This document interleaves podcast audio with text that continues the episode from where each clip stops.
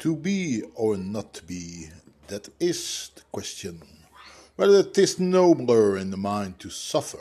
the slings and arrows of outrageous fortune,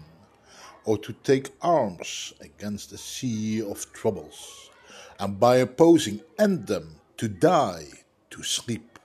no more, and by a sleep to say we end the heartache and the thousand natural shocks. That flesh is heir to, tis a consummation, devoutly to be wished, to die, to sleep, to sleep, perchance to dream, aye, there's the rub, for in that sleep of death what dreams may come, when we are shuffled off this mortal coil, must give us pause, there's the respect that makes calamity of so long life. For who would bear the whips and scorns of time, the oppressor's wrong, the proud man's contumely,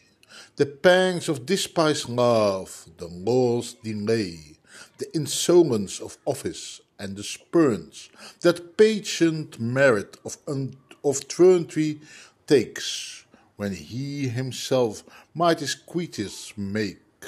With a bare bodkin, who would fardels bear, to grunt and sweat under a wearying life, but that the dread of something after death, the undiscovered country, from whose bourne no traveller returns, puzzles the will, and makes us rather bear those ills we have, than fly to others that we know not of.